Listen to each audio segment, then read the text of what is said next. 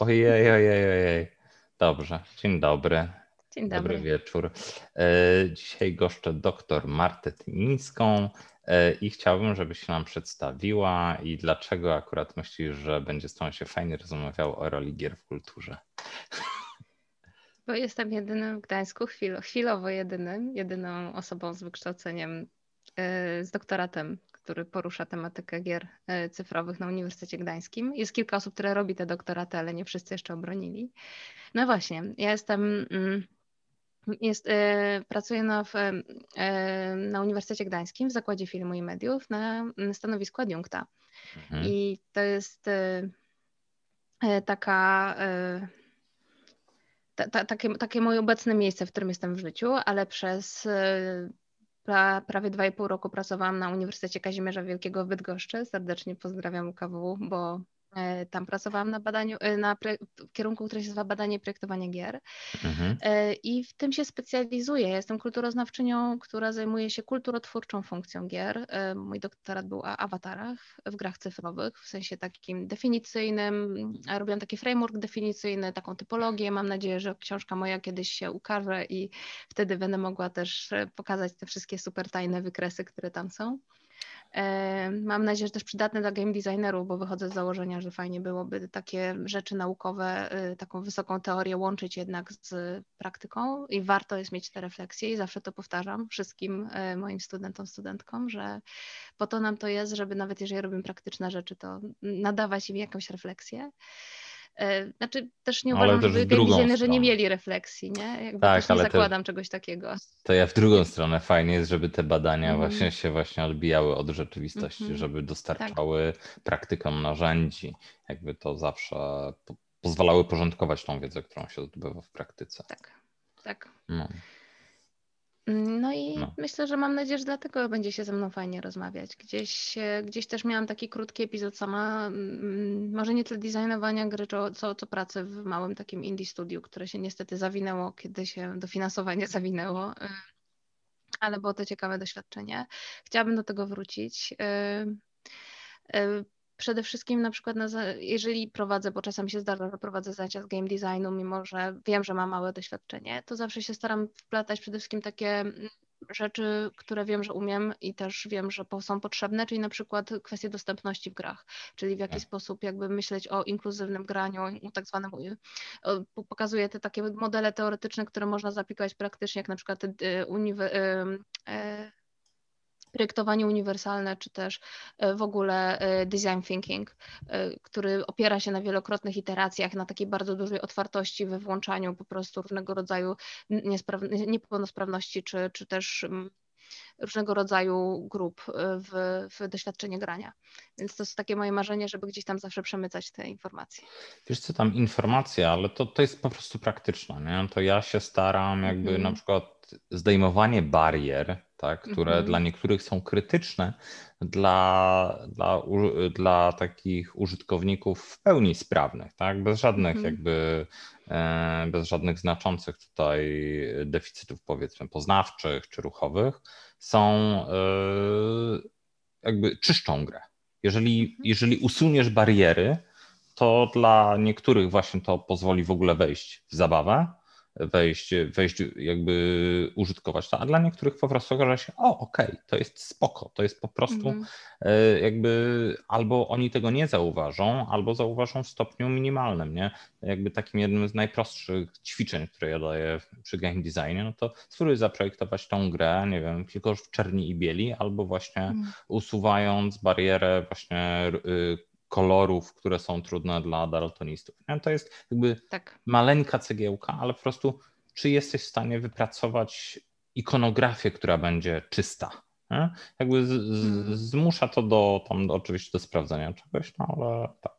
I czy to dalej wtedy z frajdą, nie? Bo jakby też dużo osób asocjuje jakby y, frajdę z grania z taką bardzo bogatą wizualną szatą, która jest, y, y, która przysłania często te jakieś takie buble mechani- w mechanice, czy, czy też no, rzeczy, które No po tak, prostu tak. nie Ale to, działają. to jest nie? kwestia podejścia też właśnie budżetu No. No jakby, wiesz co, inkluzywność jeszcze tutaj Wisu się pyta, jakby czy to jest PR. No wiesz co, po prostu duże firmy jakby mają tego świadomość, jakby to jest jakby z jednej strony nie chcą się na tym potknąć, jakby nie, jakby y, tutaj mówimy o inkluzywności, nie wiem, genderowej, mm. o kulturowej, właśnie tutaj osób z niepełnosprawnościami, gdzie po prostu te rzeczy powinny być, w sensie gra, jeśli może, powinna -hmm. być pisana właśnie, tworzona, prezentowana czysto i sprzedawana też jakby później. Ta świadomość tego, co sprzedajemy jest też ważna. Jakby, mm, że, że, że możemy być z tego dumni też, że, że nie zrobiliśmy z siebie pośmiewiska, na przykład próbując zilustrować kulturę, której totalnie nie rozumiemy. Tak, mm. tak. I właśnie też y, to jest, to, to jest coś takiego.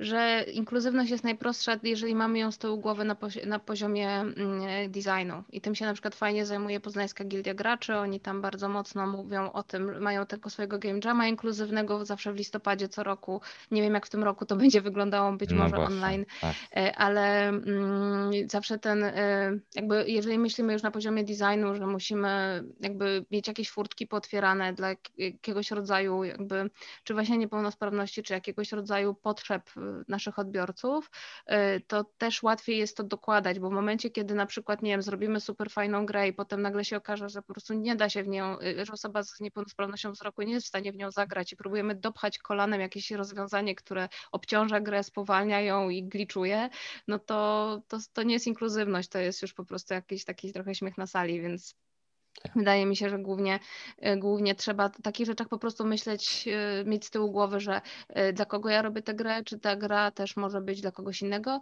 Plus no w Polsce akurat jeżeli chodzi o inkluzywność i dostęp, no nie inkluzywność, ale dostępność, czyli mm, takie accessibility, to jest to regulowane od sierpnia nową ustawą i ta ustawa bardzo wyraźnie mówi, że w jaki sposób na przykład y, różnego rodzaju gry cyfrowe mają, y, y, czy aplikacje mobilne, jak mają wyglądać, jak mają odzwierciedlać wymogi tej ustawy. No i tutaj wystarczy do tego jakby zajrzeć do tego rozporządzenia, zajrzeć do tych do tych załączników. Tam jest to super, jest taka super checklista tam po prostu, czy wszystko na danej stronie, czy w danej grze przeglądarkowej, czy danej aplikacji jest sprawdzone. Powiem tak, no nie, nie, muszą się do tego stosować podmioty komercyjne, ale muszą się do tego stosować wszystkie podmioty, które są organizacjami pozarządowymi, więc jeżeli jakaś organizacja pozarządowa robi sobie giereczkę, no to sorry, już musi się do tego dostosować, bo mm, albo jeżeli to jest właśnie z funduszy jak, jakichkolwiek dofinansowania z państwa. Tak, ale dotyczy to, to póki co gier... takich fajnych. Aha. Póki co, znaczy, tak, bytów cyfrowych, tak. gier wideo. No, tak, tak, tak. Niestety ustawa nie dotyczy, te, to, to dotyczy głównie oprogramowania i e, stron internetowych, tak to jest napisane w ustawie. Natomiast e, mhm. E, no, ja uważam, że gry są różne i też warto myśleć o tym, że gry planszowe są dla wszystkich i ja wiem, że to tak, zawsze podniesiony koszt komponentów, podwyższony koszt jakichś tam elementów, ale nie powinno Czasami się o tym myśleć w ten sposób. to lepiej przemyśleć, nie? To tak, też tak. No dobra, rozmawiamy sobie o roli gier w kulturze, zahaczyliśmy ostro o inkluzywność, no dobra, ale to co, mhm. to jakby dlaczego jakby, jeżeli ja bym tego nie wiedział albo bym się z tym mhm. nie zgadzał, y, jak byś mi wytłumaczyła, czy, y, czy gra jest tekstem kultury, czy jak, jakie ma cechy jakby tego, że jakby, że jest może no, dziełem, no, jest e, e, efektem rzemiosła powiedzmy e, czasami, ale że jest jakby, że, że niesie treść, nie? Co mi możesz o tym opowiedzieć? O matko, Jak to, to się temat mówi? rzeka. Ja wiem. gra, jest, gra jest tekstem kultury przede wszystkim dlatego, że jest wytworem ludzkim. Tak? Jakby każdy, element, każdy element działalności ludzkiej możemy przypisać do w ogóle wytwórstwa ludzkiego, możemy przypisać albo do, do kultury, albo do nauki, albo do. Yy, do techniki w jakiś tam sposób, a z reguły możemy powiązać te wszystkie trzy. Y, więc jakby każdy wytwór działalności ludzkiej, który służy przetworzeniu w jakikolwiek sposób środowiska wokół nas, a gry to robią, chociażby w naszych głowach, y, to w tym momencie mamy do czynienia z wytworem kultury albo też czymś, to potem tę kulturę kształtuje dalej. Więc to jest taka najbardziej ogólna odpowiedź. Po prostu hmm. ludzie to robią, więc ergo to jest to kultura, no najzwyczajniej no tak. w świecie. Ale właśnie jaki to ma jakby jest to nośnikiem też jakiejś treści, tak? Jakby nawet Mhm. jeżeli gra jest czysto abstrakcyjna, tak? Y, to y, tak jak, tak jak wcześniej tylko napomknęłaś przed, przed Mhm. nagraniem, nie?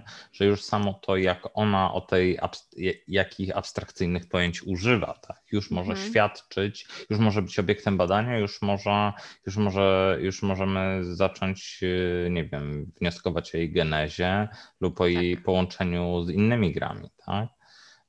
Co jakby co mnie interesowało, nie? Jakby Mhm. jak sobie teraz oglądamy, tak jak wiemy, że gry wideo wywierają ogromny wpływ na kulturę teraz, tak? Jakby Mhm. wiemy, że wiemy, że nie wiem, gra wideo Wiedźmin pozyskała bardzo dużo e, jakby nowych fanów dla, e, dla literatury Andrzeja Sapkowskiego, tak? Gdzieś y, to, to, co on też tego czasami nie potrafił znieść, będąc y, y, jakby kiedy go, kiedy myśleli, że to on pisał książki na podstawie gier. Ale tak, no, gry planszowe, no, którymi się tutaj jakby zajmujemy, też są jakby stają się coraz ważniejsze, tak, się pojawiają na razie w takiej kulturze geekowskiej, gdzieś jakieś nawiązania właśnie do gier, Mhm. gier, które my jakby my już wiemy, że są kultowe, gdzieś czasami migają na ekranie. E, jakby czy, czy widzisz, że my możemy tym jakoś świadomie operować jako twórcy? E, na poziomie mhm. mechaniki, opowieści? Jak to czujesz? No? Znaczy, to do game designerów. No. E, z jednej strony to jest też tak, że wiele z tych rzeczy, które gdzieś e, mamy zawarte w grach planszowych, to jest efekt pewnej efekt tego bagażu kulturowego, czy tej bazy kulturowej, którą w ogóle mamy. I pewna tendencja, chociażby, chociażby to, że mamy ten podział na euro, y, jeden z wielu podziałów na mhm. gry planszowe, że mamy ten podział na Eurogry i Ameritrash, tak? Jakby zobaczcie, co, co nam mówi o kulturze amerykańskiej, to, że są gry typu Ameritrash, czyli właśnie tam, które mają bardzo dużo jakiegoś takiego blichtru, bardzo dużo jakichś takich komponentów, y, to wszystko w świecie gra i buczy i właściwie co to mówi o tej kulturze? To mówi o pewnego rodzaju fasadowości, o tym, że ta kultura jest w jakiś sposób nastawiona na efekt, na pewne efekty efekciarskie działania, a niekoniecznie może na to, żeby się e, i to oczywiście tutaj upraszczam, nie? ale możemy tak zinterpretować powiedzmy takie funkcjonowanie e, tych gier amerykańskich. Las Vegas widziałem taki banner, nie? Właśnie jeden z gwiazdowych banerów do Las Vegas. Mm -hmm. We, we didn't invent entertainment, but we mastered it coś tak. takiego. No, że... no właśnie, bo to jest kwestia nastawienia na rozrywkę. Natomiast jak się patrzy na przykład na te gry, które przyszły do nas z Rzeznego y, Półksiężyca, tak? te gry, gry które ukształtowały też Europę w dużym stopniu, czyli yy czyli e, czy z północnej Afryki, czyli Mankala, e, czy też właśnie szachy, które wcześniej były hinduską grą, czaturangą, mhm. to to są gry, które nam mówią w ogóle o stosunkach społecznych. One nam mówią o tym, kto w przypadku Mankali, nie wiem czy graliście kiedyś Mankale, ona ma wiele nazw, ona też się nazywa Kalach, mhm. Kalach i tak dalej. To jest taka no, bardzo ale... prosta, logiczna gra, oparta po prostu o przenoszenie powiedzmy fasolek, strategiczne przenoszenie fasolek z dołka do dołka, aż przejmiemy najwięcej więcej fasolek, więcej fasolek niż nasz przeciwnik. To jest gra rolnicza, to jest gra, która mm, demokratyzuje tą relację między, między graczami. Natomiast mamy też takie gry, y, jak na przykład nordycki e, Hnefatafl, który był bardzo długo uważany w ogóle za grę celtycką, a nie nordycką i dopiero teraz się e, archeologiczne badania jakby gdzieś odkręcają to, to bo się okazuje, że jakby jest więcej dowodów na to, że, e, że to jest gra, gra właśnie wikińska. Że to Celtowie od wikingów zapożyczyli. Tak, znaczy, że wikingowie mhm. po prostu przywieźli tą mhm. grę do, do Wielkiej Brytanii, znaczy na Wyspy Brytyjskiej po prostu tam mhm. gdzieś ją, ją na, narzucili. Poza tym jakby też te celtyckie wszystkie plansze, w większości te, które znaleziono, to w ogóle się okazuje, że one ma, miały dwie funkcje, bo one jednocześnie były planszami do gry w szachy, która przyszła z południa i jednocześnie planszami do chnefataflu, więc jakby Okay. E, a te no, nordyckie są pojedyncze, są jednorazowe. Dwa w jednym, nie? To już... tak. tak. Okay. To, to, to, to, to jest gra, która mówi w ogóle o asymetrii, prawda? Ona mhm. mówi, znaczy Hnefatafl z jednej strony w ogóle mówił opanowanie gry E, tej było jednym z elementów bycia dobrym wodzem, tak? Jakby trzeba było ją rozumieć, żeby żeby umieć dowodzić, ale to jest właśnie też gra o, o chronieniu dowódcy z jednej strony, albo też o próbie jakby ubicia tego dowódcy z drugiej strony, bo to jest gra, gdzie są gdzie jest asymetryczna liczba pionków i, jest, i są siły inaczej rozłożone na planszy. Więc to mhm. jest w ogóle super ciekawe. No a E, gry takie jak, nie wiem, Chińczyk, który w ogóle nie pochodzi z Chin. Tak, to, to, jest, to, to, jest tak naprawdę gra o dworskich intrygach. Przecież mhm. ona była zbudowana na planie pałacu pałacowy, na założ, założenia pałacowe w pewnym okresie historii e, Indii wyglądały właśnie tak jak plansza do Chińczyka. Czyli mhm. E, są takie korytarze, e, gdzie można wejść do wnętrza jakby takiego długiego baraczku, a cały tak dziedziniec jest w formie krzyża. I tego typu I tak naprawdę to jest historia o tym, że na, na dworze dzieje się źle, że we dworze jakby takim y, y, arystokratycznym dzieje się źle i trzeba pouciekać przed naszymi przeciwnikami, właśnie pochować się do tych baraczków, y, do tego zamku, do środka. Więc to jest, bo to są różne frakcje jakby z tego samego pałacu. No tak, to, Więc... tak. Ja to znowu jak ja widziałem, jak ta gra właśnie w basenie Morza Śródziemnego, właśnie jak była grana w formie takiej jakby wręcz na szybko, tak? To było speed gamingowane, bo oni kulali tymi kosteczkami, tak jakby to wyglądało, jakby, jakby to rzucali na czas, nie? A mhm. jednocześnie grali właśnie na takiej szklanej planszy Chińczyka, która jakby miała bardziej skomplikowane Super. zasady, bo tam były, mhm. bo tam były właśnie pola, z których można atakować, pola, na których się lepiej można bronić, że tam były mhm. specjalne zasady do czegoś, jakby wow, nie? Oczywiście to e, jakby zupełnie inne przeżycie, nie? Jakby, no, jak mm. powiedziałem tam właśnie jednemu, jednemu młodemu tam Beduinowi, że właśnie, że gram w grę, to chodź zagramy. Tak. O cholera, nie? Co ja się władowałem, nie? No. E, E, o, tutaj pojawiły się dwa pytania, pozwolę sobie przeczytać. Mhm. E, a jak, Tomek zadaje pytanie, a jak ze strategiami, które już bliżej naszej rzeczywistości wędrowały pomiędzy dwoma stronami oceanu? Zaraz o tym powiem. Natomiast drugie pytanie o e, ritomarchię, nie jestem w stanie się do tego odnieść. Nie mam, nie mam na tyle dużo wiedzy, żeby o tym coś powiedzieć. Może ty coś powiesz? No, o, tym, o tych strategiach, się... dawaj.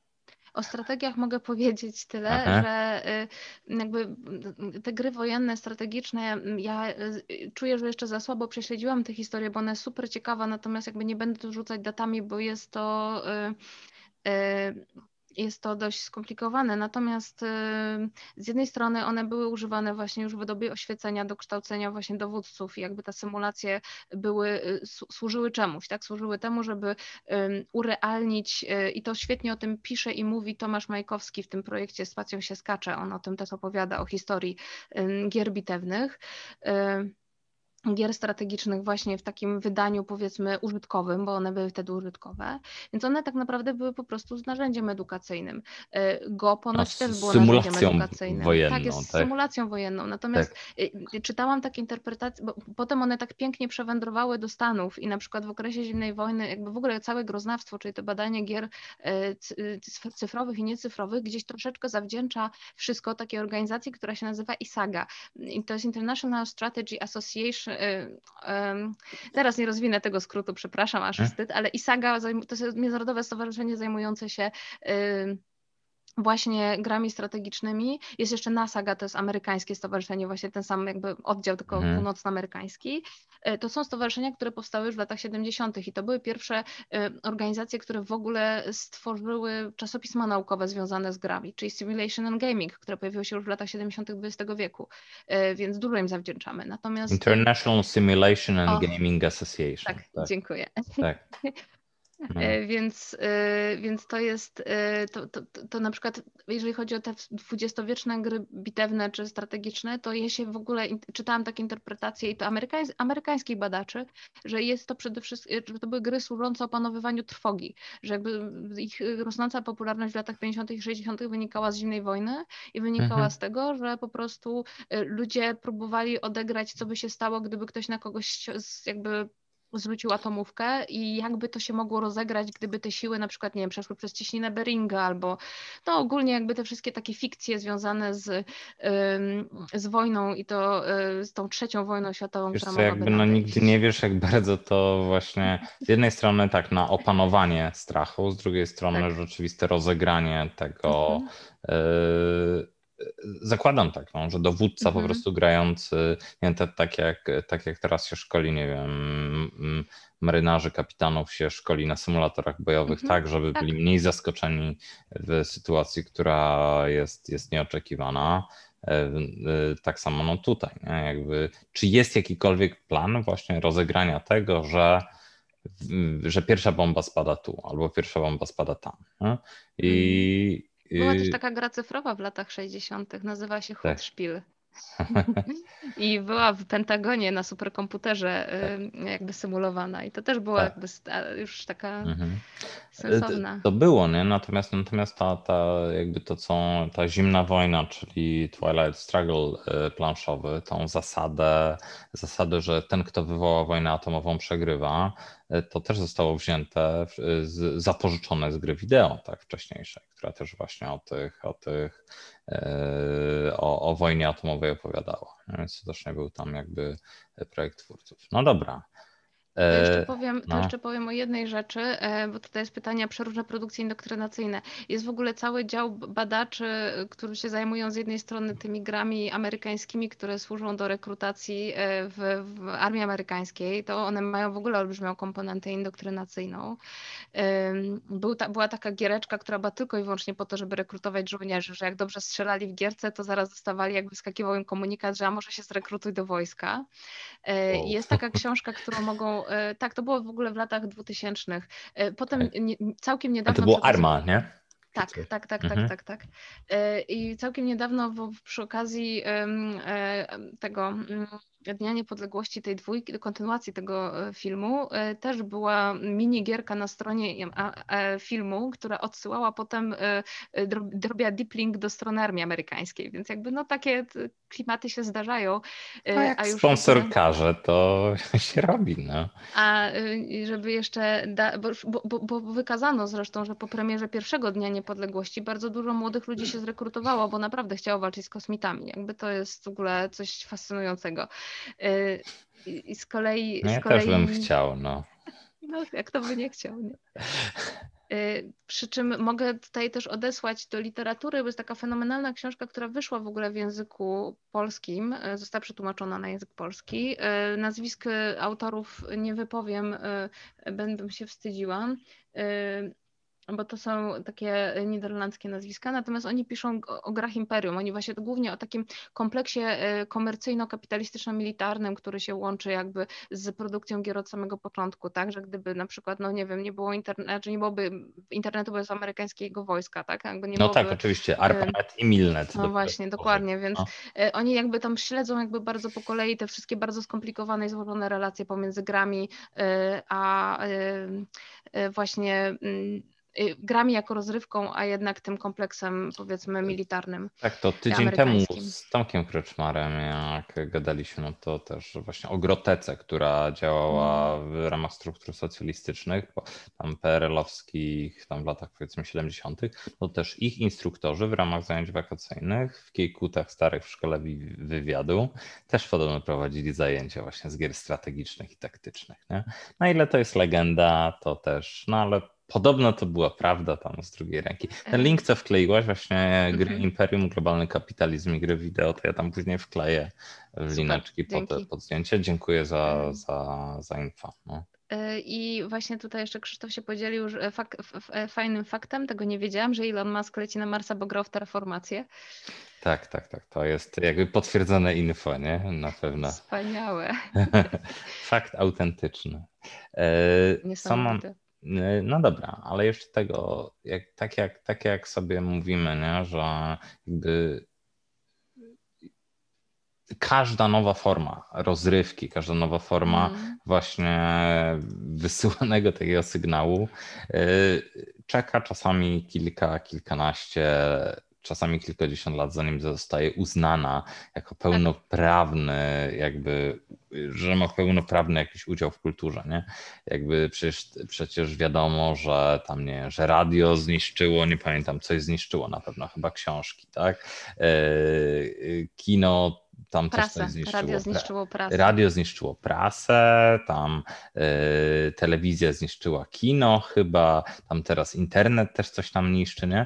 Gry tak samo niszczą, tak? O, odmurzdają dzieciaki tam, No, wiadomo, że, tragedia. że jakby, że, że, że y, że dzięki temu dzieci są agresywne, no przecież normalnie to by nie były. Jak ty oceniasz, na jakim, na jakim etapie właśnie takiej y, globalnej akceptacji, takiej społecznej tego mainstreamu Mm, znajdują się w tym momencie gry? Gdzie, gdzie my jesteśmy? Czy my jesteśmy dalej tym, tym takim jakimś y, jako, jako twórcy kultury jesteśmy tym chłopcem do bicia?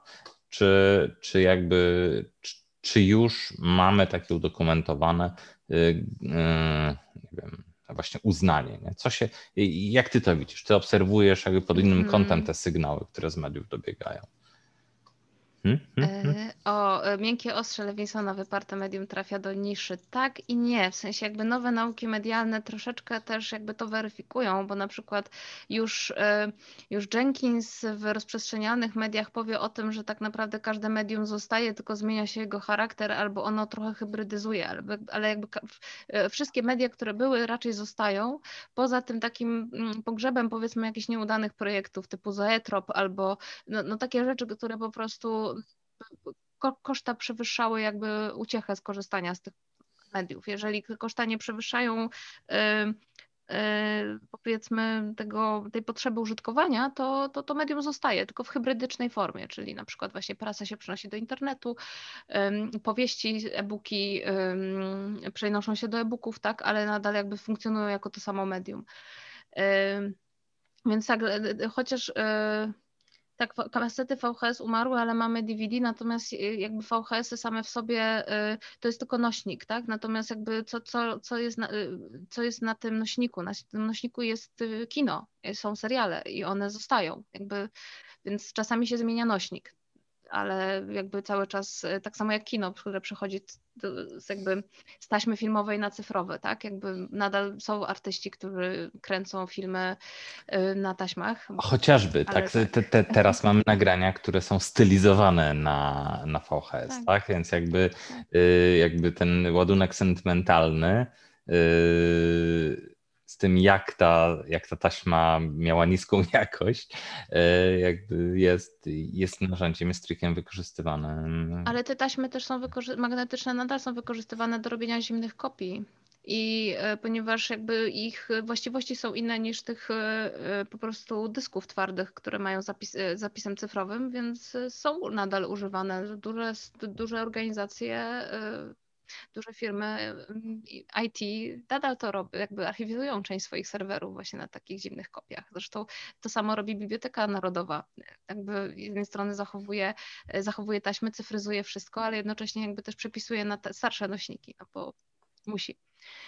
A VHS-y, no też jakby daleko nie szukając VHS-y, które, y, które biją rekordy popularności obecnie, na przykład na takich eventach jak VHS Hell, tak, jakby wszyscy przychodzą, żeby siedzieć na podłodze i oglądać, na, no teraz to nie wolno, ale siedzieć na podłodze i oglądać na prześcieradle kiepski film z, wy, kupiony z wypożyczalni na Żabiance, no jakby. Mhm. Tak. wypożyczalnia już nie istnieje, ale Co, co, co, co do też takiej właśnie VHS-ów w grach, tutaj był wspomniany, że jakby, że VHS nam się kojarzy z horrorem, bo to właśnie Mhm.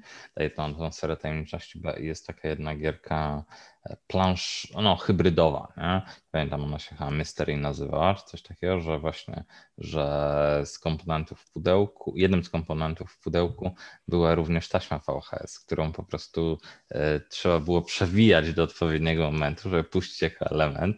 Super nieefektywne, nie?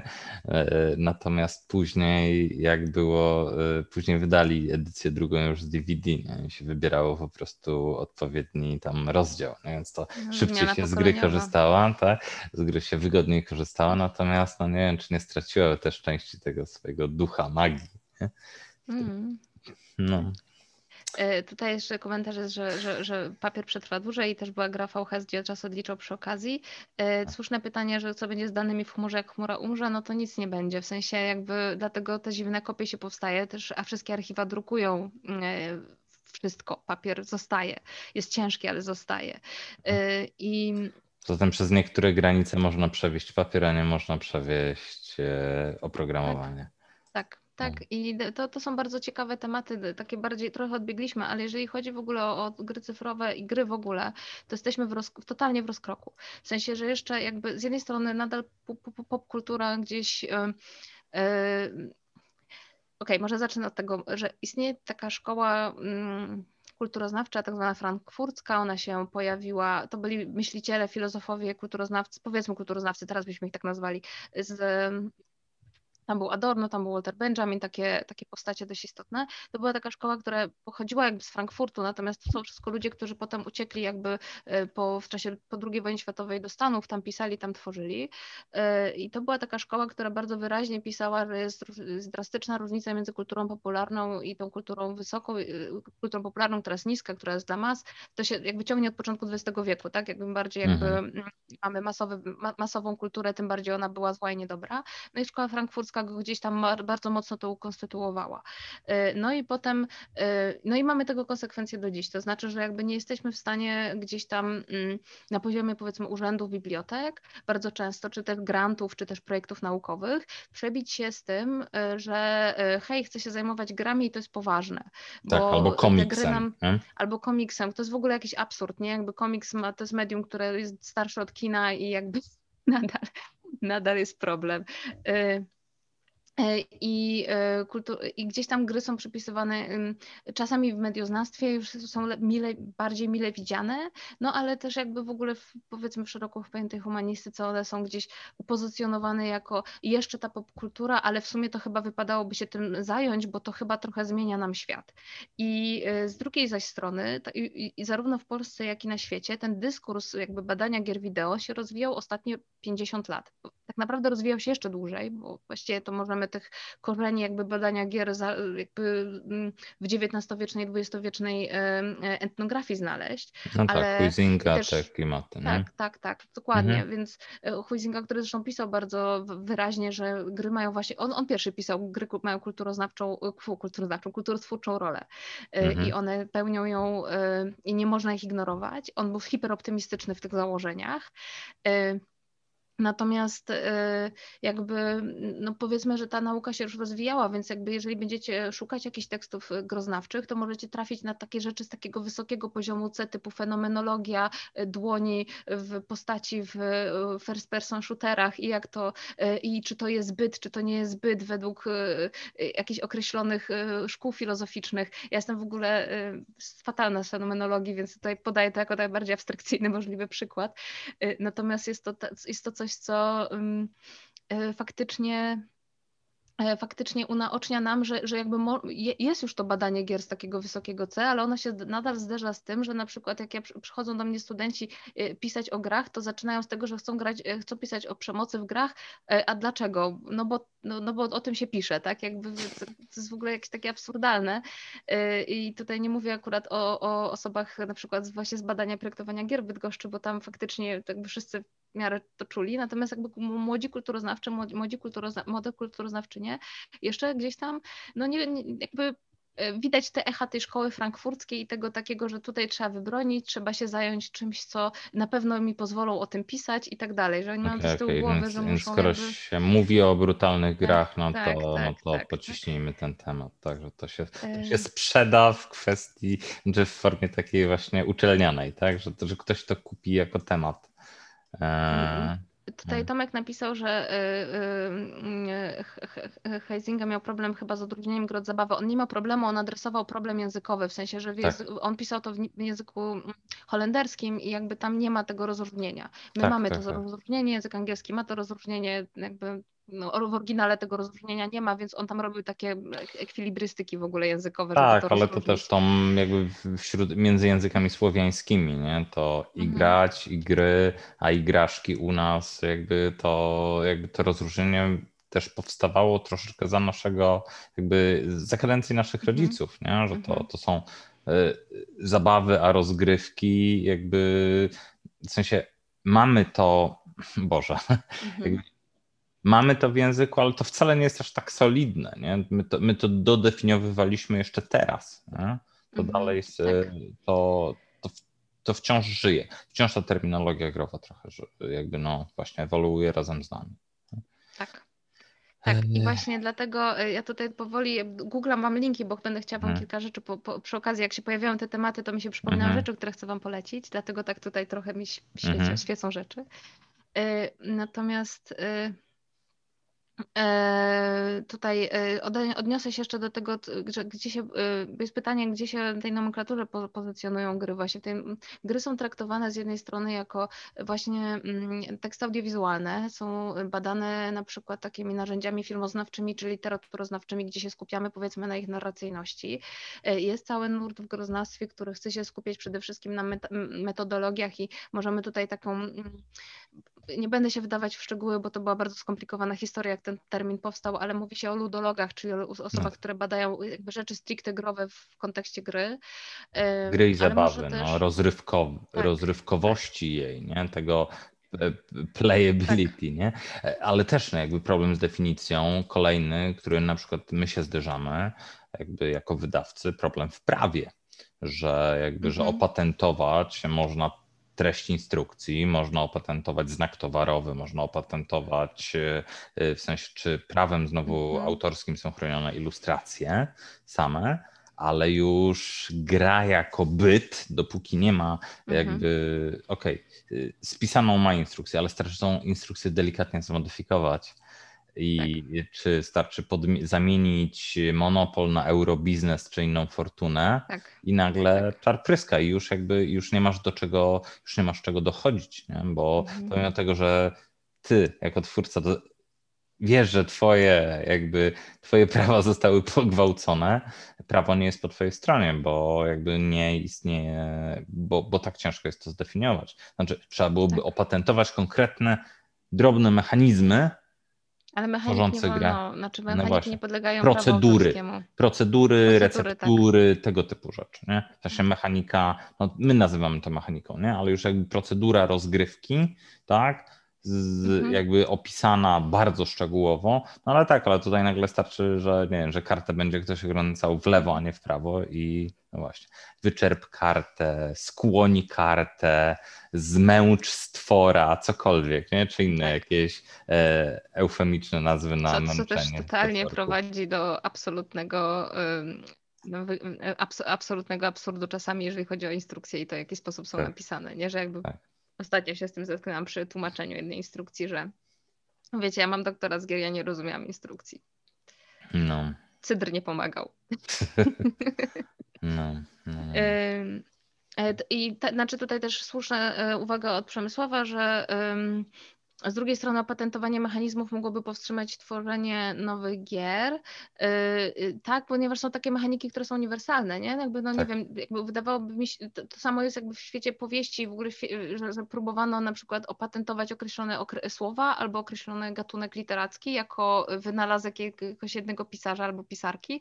No te rzeczy są, no, no, oczywiście są jakby bez sensu. No tak, Natomiast tak, moment, moment opatentowania, draftowania, roll and mhm. write, tak, deck mhm. Jakby, no o ile, co by to pomogło, nie wiem, nam w rozwoju? No niewiele, w sensie strasznie by tak. nam utrudniło życie. Tak. Więc, I... więc to też jakby to ma... Yy, zastanawiam się, jakby to można było zrobić, żeby właśnie, to, nie jestem ekspertką od prawa, ale może warto byłoby faktycznie kogoś zaprosić. Są co najmniej dwie osoby w Polsce, które o tych grach w prawie gdzieś piszą i próbują coś mhm. publikować. Yy, natomiast też mi się wydaje, że yy, a propos tego jeszcze mm, rozdźwięku pomiędzy tym, czy gra to już jest coś w kulturze poważnego, czy nie, e, to bardzo nas ratują serious games. Ratuje nas to, że mamy ten, ten kategorię gier poważnych albo, gier, albo art games, czyli tych gier artystycznych, albo tych niegier, które wykorzystują mhm. wszystkie elementy, które sprawia, jakby dążą do stworzenia gry, ale jednocześnie nie są grami e, w definicji, e, bo gra musi posiadać jakieś tam powiedzmy określone komponenty. E, no i e, mm, i e, no, to tak naprawdę bardzo, bardzo zależy, zależy od tego, w jakim ośrodku badawczym, czy w jakim ośrodku czy w jakim środku, czy z jakiego kontekstu wychodzimy, czy, czy właśnie mm, przypadkiem czasami ludzie też nie wyważają drzwi otwartych, nie? że jakby już mhm. 10 tysięcy osób o tym napisało, a my to nagle odkrywamy. Z takich nowych trendów, które fajnie, fajnie wychodzą obecnie i to jest coś świeżego i to jest coś nowego, y, to są to są właśnie te wszystkie rzeczy związane z politykami tożsamościowymi w grach, czy, czy, czy, czy kolonizacją, czy dekolonizacją, czy na przykład teraz współcześnie nie zachodzi pewnego rodzaju taka właśnie e, kolonizacja tego myślenia, jak gry powinny wyglądać, która przychodzi nam ze Stanów chociażby, albo, e, albo właśnie wręcz odwrotnie, czy, czy, czy może powinniśmy zrewidować skąd są w ogóle gry, e, które uważamy za nasze tradycyjne gry, a one są, okazało się, że są jakimiś tam spauperyzowanymi wersjami ukradzionymi z innych kultur, tak? Czyli tak. właśnie Chińczyk y, czy, tak, czy tak, tak, węże to, i drabiny. Tak, to co my myślimy, że jest, że tak samo jak na, jak, jak na zachodzie jakby myślą, że to oni wymyślili grę w wilkołaki, kiedy jest to, wszystko jest modyfikacją mafii, która powstała na Uniwersytecie Moskiewskim. No, no i tak. takie, takie, takie cud, cudowne. No właśnie. E, to tutaj, słuchajcie, pojawia się fajna E, fajna, e, fajne pytanie, czy istnieje naukowa definicja gry? Haha, A, no. kocham to pytanie, bo mogę odpowiedzieć, to zależy. No właśnie, sensie, no. ja, ja napisałem, że istnieje wiele. E, jest bardzo dużo definicji gry, to znaczy, to jest jedno, tutaj też się pojawił ten wątek, ja się też do niego chciałam odnieść, bo jest ten wątek, e, że mm, zabawa a gra, tak? Czy to, to są mhm. rzeczy sobie bliskie, czy są rzeczy dalekie. E, jakby groznawcy traktują to trochę na spektrum za Rogerem Caillois, to jest taki filozof francuski, który jakby rozróżnił, umieścił gry na spektrum, że mamy gry, które jakby albo są czystą zabawą, czyli nie mają zasad, nie mają reguł, nie mają takich tam y, y, wyznaczników, powiedzmy, intuicyjnie Policjanci wyznaczników. No. Policjanci, ale nie, no tam jest zasada, no ktoś mhm. pełni rolę policjanta, ktoś mhm. pełni rolę złodzieja. Zabawa, więc jakby o czym mówię, to teraz tu jest Aha. moja tablica, ja to pokazuję rączkami, teraz tu mamy Ludus, czyli mamy te wszystkie gry, które mają zasady, które mają bardzo ścisłe reguły, e, które są tak obostrzone, na przykład szachy, tak? Jakby wiemy, jakby co Tenis. zrobić w szachach, tenis, y, jakby nie można przekraczać tych zasad, one po prostu są, to są te gry na takim spektrum ludus, czyli właśnie mm, tylko i wyłącznie zasady są tutaj wyznacznikiem. A idziemy sobie powoli, na przykład gdzieś tam po środku mamy tego Chińczyka, który ma trochę zabawy, trochę ma na przykład tych zasad. Ale też ma warianty lokalne. Też, tak, tak, tak. I mhm. potem mamy paidię, czyli ten jakby totalną zabawę, czyli biegamy w kółko, kręci nam się w głowie, nie wiem, wskakujemy mhm. na drzewa, E, to będzie to. Będzie ta, to. E, tutaj się też e, gdzieś na spektrum, nie wiem, gry imprezowe się pojawiają. No tak, no, ale zobacz sobie jak, nie wiem, RPG gdzie się znajdą, które też w zależności od interpretacji danej gry, nie, w sensie od, od, od jednego mistrza gry ta jedne proste dedeki mogą mieć tak szeroki zakres, nie? Tak, Ogromnie szeroki, tak. bo ktoś będzie grał y, właśnie by the rules i ma być, ma być właśnie, bo tutaj tak naprawdę to zabijamy stwory, a inne będzie, dobra, olejmy te zasady, grajmy narratywistycznie, nie? Więc tak, i y, są tacy, co właśnie tam kulkują, że tak powiem, turlają te, te kości, mhm. dla nich to jest ważne, tak. a są tacy, dla których ten, ten romans z tym wampirem jest ważny, no to, to tak. musimy podgrywać sobie. Tak, tak, tak. E, więc, więc gdzie ta warstwa zabawy jest ważniejsza niż warstwa właśnie ścisłego, I... ścisłych zasad. E, właśnie chcę Wam pokazać e, taki tekst, wyślę go linkiem, natomiast tutaj jest taki bardzo fajny obrazek, ponieważ jest jedna taka dość ciekawa definicja gry, która jest używana przez wielu dogroznawców, bo jest bardzo swobodna, w sensie, że tam mhm. jest jakby są rzeczy, które mogą być w obszarze jakby jakby jest mnóstwo warunków, które mogą spełnione powiedzieć, że to jest gra, ale jednocześnie nie trzeba spełniać wszystkich, albo też mhm. nie muszą one być w 100% spełnione. I to jest teoria Jespera Jula, e, który mówi o tak zwanym sednie growości. Ten tekst jest w ogóle też wydany po polsku, ja wam go wysyłam w języku angielskim. E, mhm. ponieważ taki jest dostępny za darmola w online'ach. Natomiast jest on właśnie o tyle ciekawy, że właśnie mówi, ten model mówi nam bardzo wyraźnie o tym, że, y, że mamy różnego rodzaju wyznaczniki grania i zależnie od tytułu będziemy musieli to traktować dość indywidualnie.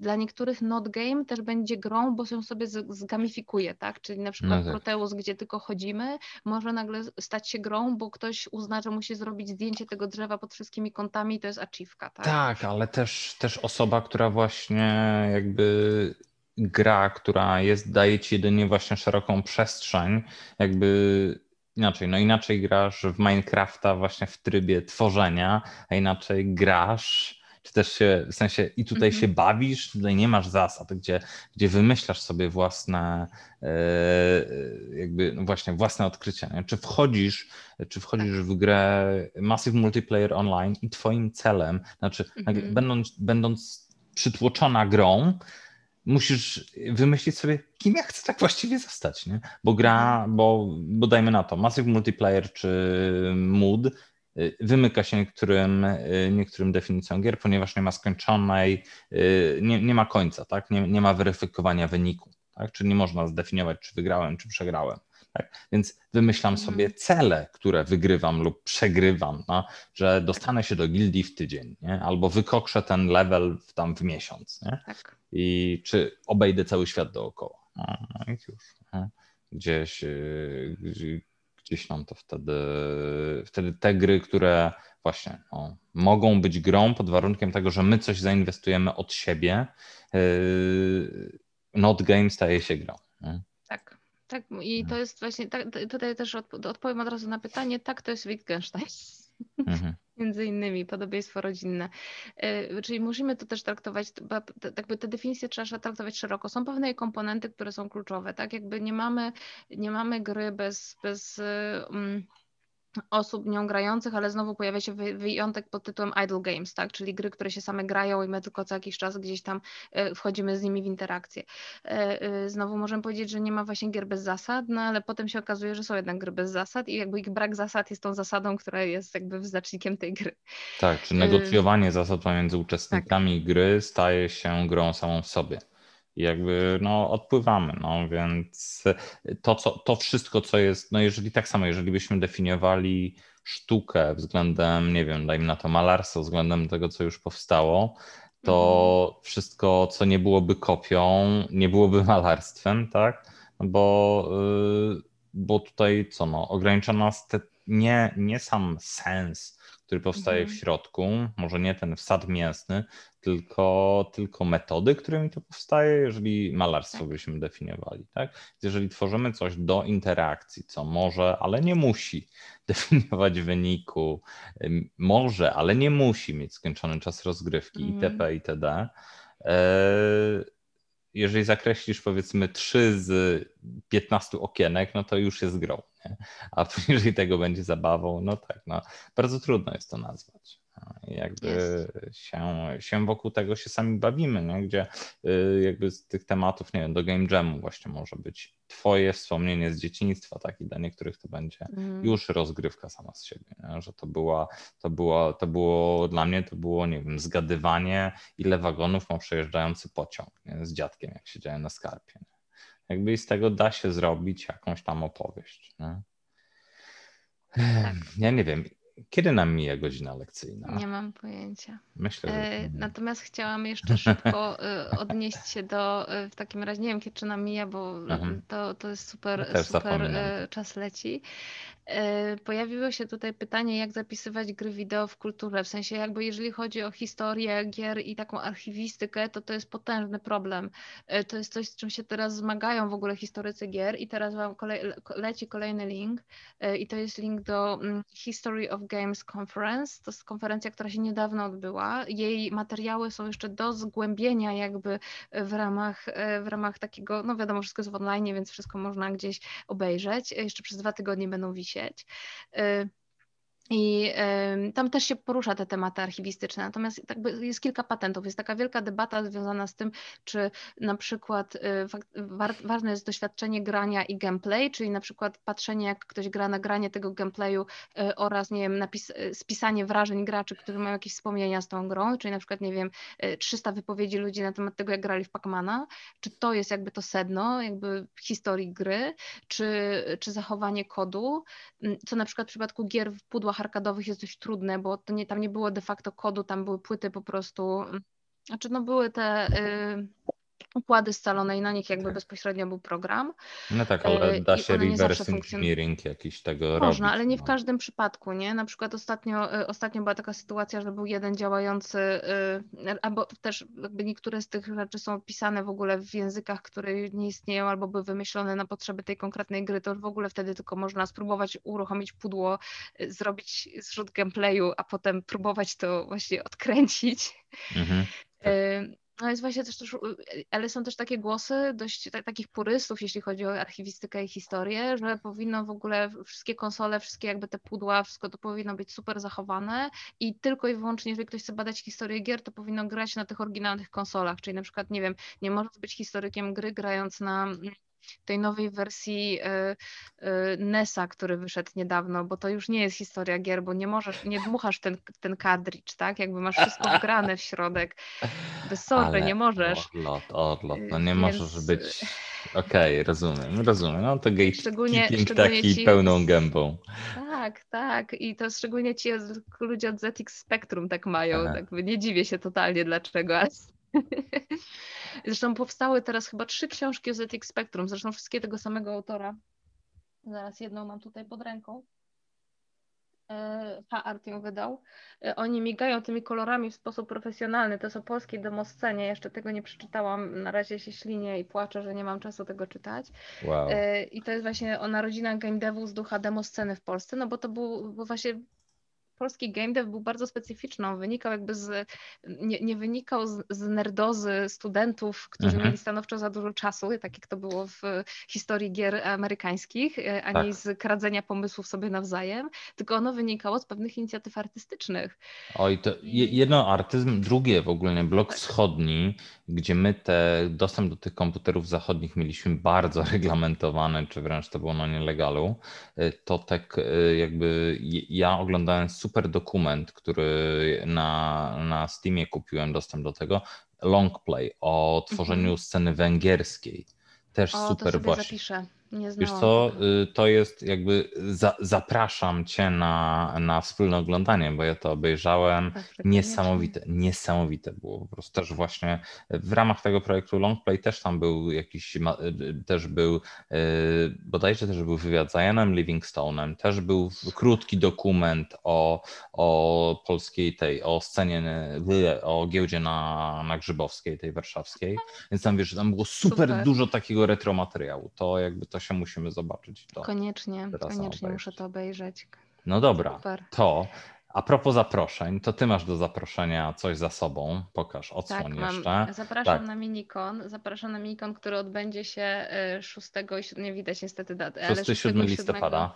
Tak, y, od 16 w piątek, zresztą mamy mocne planszówkowe otwarcie, w sali pierwszej będzie właśnie, y, będzie Krzysztof, będzie Krzysztof, Krzysztof. i będzie Grzegorz Arabczyk i będą mówić o adaptacjach growych, ale też mamy inne atrakcje pozagrowe również. Będzie i, mm, będą spotkania z pisarzami.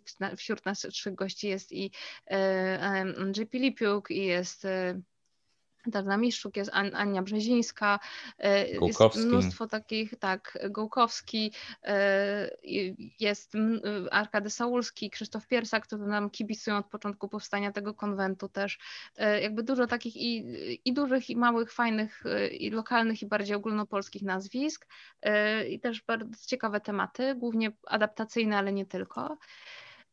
I już wrzucam linkiem do strony konwentu. Super. E, wszystko no. się odbywa na mitsach, na które nie trzeba się logować, bo je tak ustawiliśmy, że nie trzeba się będzie logować. Część rzeczy będzie streamowana na Facebooka, ale nie za dużo. Większość będzie po prostu dostępna e, w takiej formie. E, Super. Tak. Więc To ja też zapraszam ze, ze swojej strony.